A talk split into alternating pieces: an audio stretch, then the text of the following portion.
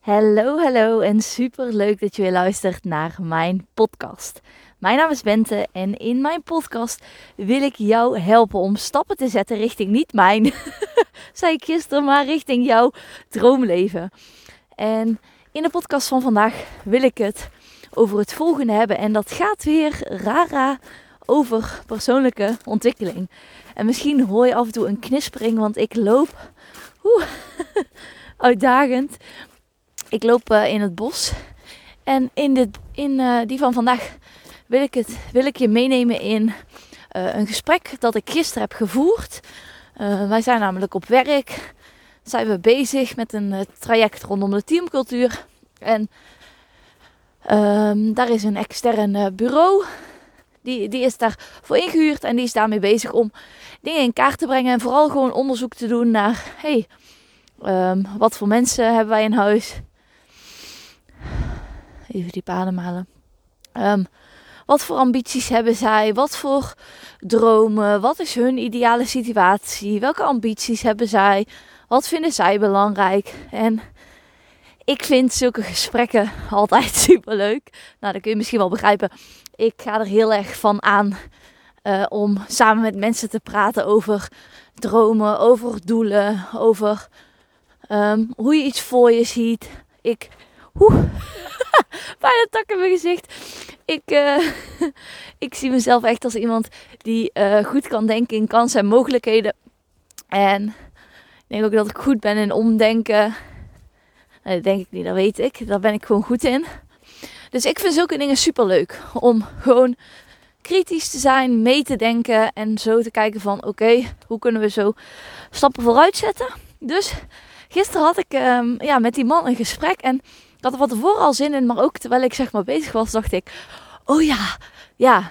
Um, in ons gesprek merkte ik namelijk dat, zeg maar, soms hoef je niet letterlijk bepaalde woorden te gebruiken, maar komen er toch heel veel dingen van je visie of wie jij bent als persoon, die sluimeren een beetje door die gesprekken heen. En dat was ook wat hij zei van, hij zei, oh, in het gesprek met jou en ik, ik proef in alles wat jij zegt, hoor ik zoveel ambities.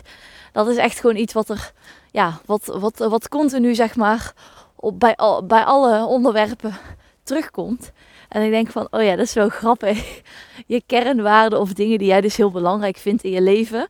Zul je, daarbij zul je dus zien dat die altijd terugkomen. Ook al is het misschien niet door het letterlijk te zeggen, maar ja, uiteindelijk gaan je kernwaarden, hetgeen wat jij belangrijk vindt, ja, laat, laat je dat als het goed is, uh, vertaalt zich dat altijd op een manier naar de praktijk. Dus dat vond ik wel weer heel grappig om zo te merken.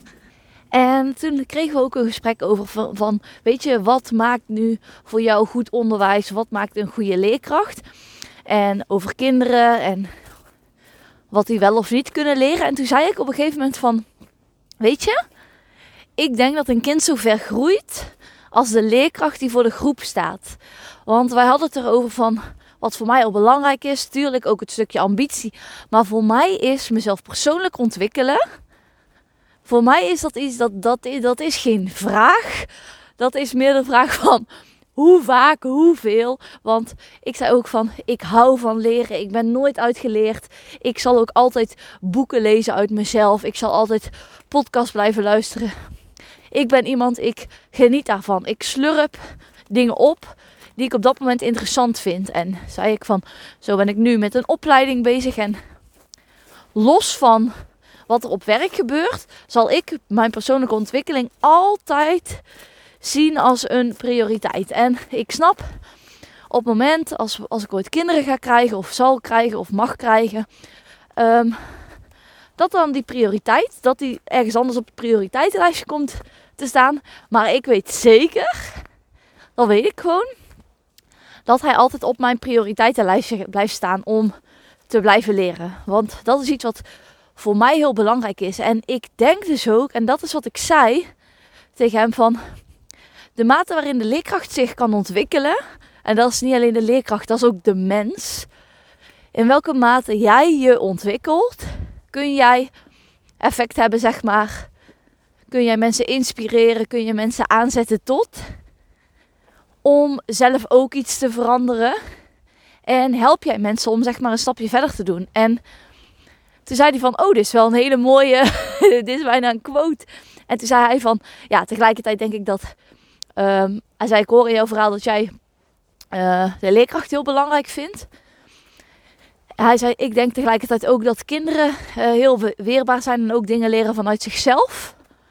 Um, daar ben ik het deels mee eens. Omdat ik denk dat kinderen, en zeker de kinderen die ik lesgeef, die nog zo jong zijn, dat die soms zo letterlijk kunnen nemen wat hun voorbeelden doen. En op het moment dat er geen voorbeeld is, of een voorbeeld dat stagneert of blijft hangen in bepaalde ontwikkeling, dan laat hij iets anders zien dan iemand die um, ja, aan het groeien is, open staat voor groei en dat soort dingen. Dus ja, dat, voor, mij, voor mij is dat gewoon een hele belangrijke. En toen zei hij ook van ja, ik denk dat we hiermee een soort van de kern hebben gevonden van ja, wie jij bent als persoon in de zin van ambitie is voor jou heel belangrijk en persoonlijke ontwikkeling is heel belangrijk. En toen zei ik van ja, ik denk uiteindelijk dat gewoon groei heel belangrijk is voor mensen. En het allerbelangrijkste, de allerbelangrijkste vraag die het ten alle tijden die daaronder ligt, zei, als je iets wil veranderen, of het nou is bij jezelf, in je leven, wat dan ook, is de vraag, is de wil er om te groeien? Want op het moment dat het antwoord nee is, dan kun je eigenlijk al stoppen. Dan kun je zeggen: Oké, dan begin ik er niet aan. Ik zou dan wel iets gaan doen met een stukje acceptatie van de huidige situatie. Want op het moment dat er geen wil is om te groeien en je hebt een hekel aan de situatie hoe die nu is, dan zul je iets moeten veranderen. Dan zul je of iets moeten gaan doen waardoor jij de huidige situatie kunt accepteren. Of je zult op zoek moeten gaan naar jouw wil om te groeien.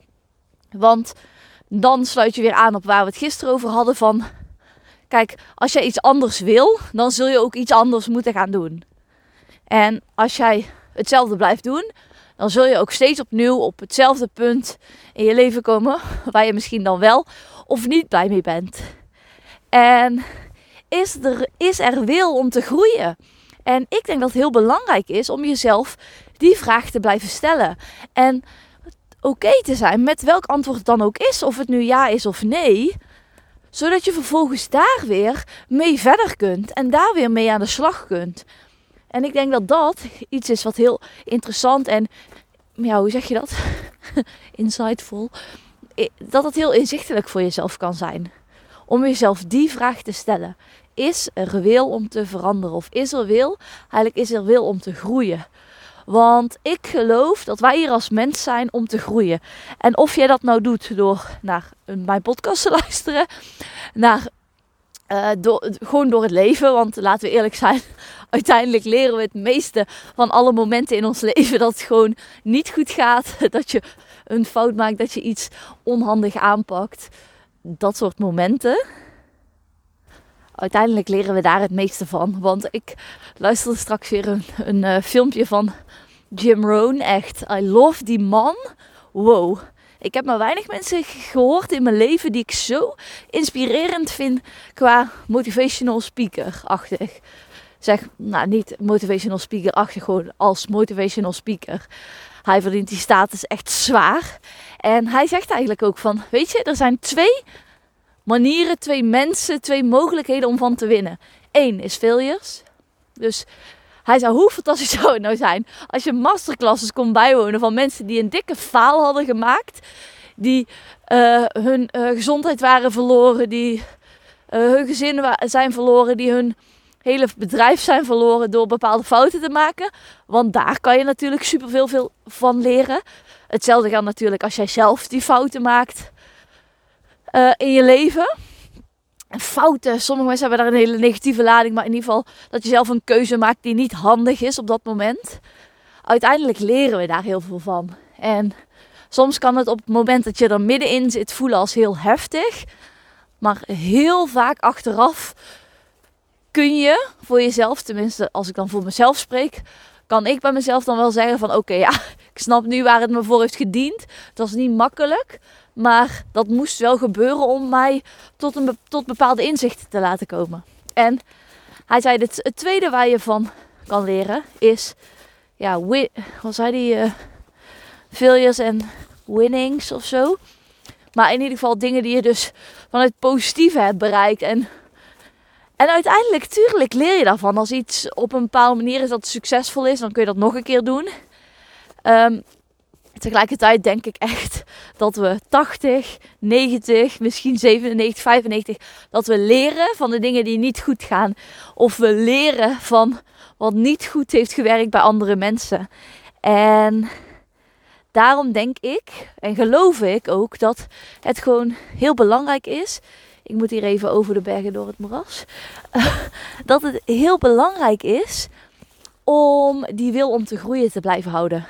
Want op het moment dat jij die wil niet meer hebt om te groeien, om iets anders te, doen, betekent het dus dat jij eigenlijk wil dat alles hetzelfde blijft. En vaak willen wij dat het resultaat anders wordt, maar willen wij in het hier en nu, willen wij niks anders doen. En nogmaals, dat is helemaal oké, maar dan zul je een keuze moeten maken. Ga ik dan voor het hier en nu accepteren? Of wil ik toch gaan onderzoeken of ik iets kan doen aan mijn wil om te groeien? En ik denk dat het een heel interessante casus is om gewoon bij jezelf neer te leggen of daar eens over na te denken. En ja, het anders is te hebben met mensen in je omgeving van, weet je, hoe kijk jij daarnaar en hoe zie jij dat voor je? En ik denk, op, als je er op deze manier naar kunt kijken, dan kun je jezelf ook de ruimte geven om in een droom bijvoorbeeld te groeien. Want heel vaak als wij een grootste droom, als wij een verlangen hebben voor een grootste droom, dan voel je misschien wel van oké, nou, dan is er een gevoel in jou wat jij niet kan verklaren, die dan denkt in jou, hm, dit is wel interessant. Tegelijkertijd schiet vaak je ratio, je rationele mind er meteen overheen met, ja oké, maar uh, hoe gaan we dat dan doen? En uh, ja, uh, dat kan toch niet, dat, is, dat is een miljoen en je verdient nou 20.000 euro, 30.000 euro per jaar. dat is gewoon niet realistisch. Ik denk dat we allemaal wel zulke stemmetjes in ons hoofd hebben. Die of voortkomen uit de stemmen van onze ouders of onze eigen interne criticus is. Maar die er vaak voor zorgt dat al voordat wij ook echt maar hebben kunnen voelen, hebben kunnen invoelen op die droom, hebben kunnen, ja, eh, de droom is gewoon, hebben kunnen overwegen, wordt vaak bij veel mensen die droom al overboord gegooid. En dit is dan zo'n dilemma, zo'n. Ja, dit zijn dan vragen die je daar denk ik in mee kunt nemen. Want op het moment dat je deze vragen gewoon open en eerlijk aan jezelf kunt gaan stellen, dan kun je die droom ook gewoon even laten zijn voor wat het is. En ik denk ook dat als je meerdere dromen hebt, of het herkent van dat jij meteen eigenlijk je dromen wegwuift of aan de kant schuift, dan zou ik ook zeker een van de eerdere podcasts van vorige week of de week daarvoor van. Uh, ja, every dream is just a wish without any kind of action. Elke droom is gewoon een wens, zonder ook maar enige vorm van actie. Soms is er ook een bepaalde vorm van actie nodig. En als je nou merkt van oké, ik wuif steeds mijn dromen opzij, dan is dat ook echt een podcast die voor jou heel interessant kan zijn. Maar vandaag wil ik je gewoon de vraag meegeven: is er wil om te groeien? Is er wil om te groeien? En dat, dat kan zo breed zijn als een vraag die je in je relatie kan stellen op het moment dat het niet lekker loopt. Dat kan een vraag zijn die je uh, jezelf afvraagt op het moment dat de vriendschap niet lekker loopt. Dat kan een vraag zijn op het moment dat het in je bedrijf niet lekker loopt, op je werk niet lekker loopt, in je privéleven niet lekker loopt. Wanneer dan ook. Het is een vraag die je aan jezelf kan stellen, een vraag die je aan een ander kan stellen en vooral ook een vraag waarvan ik denk zo waardevol om hier met elkaar over in gesprek te gaan. Want doordat ik dit zei uh, tegen die man, kregen wij ook weer een heel ander soort gesprek. En ja, konden wij daarover met elkaar in gesprek. En werd ik ook weer even ja, herinnerd aan mijn eigen persoonlijke waarden. En ja, dat, dat, dat alleen al vond ik gewoon een mega plus aan zo'n gesprek. En ik hou natuurlijk van praten over dromen en ambities. Dus ja, dat vond ik gewoon super leuk. En met dat gezegd hebbende wil ik hem graag afsluiten. Ik ga hier nog even genieten van het sneeuwlandschap en het bos. Oh, ik vind het echt heerlijk om hier weer te zijn. af en toe kan dat zo'n drempel zijn hè, om even naar het bos te rijden en de natuur in te gaan, merk ik dan voor mezelf. Terwijl ik weet dat ik het zo fijn vind. Dus dit is ook weer een reminder om als hier ook lekker op gaat, uh, om even lekker naar buiten te gaan. Misschien zelfs naar de natuur, misschien zelfs het bos in. Want echt, hier ga je geen spijt van krijgen. Doe wel even je extra laagje aan, je thermosok en je thermo legging of ondergoed. En dan ben je helemaal goed to go. Ik vond het super leuk dat je weer hebt geluisterd. En tot de volgende keer. Doei!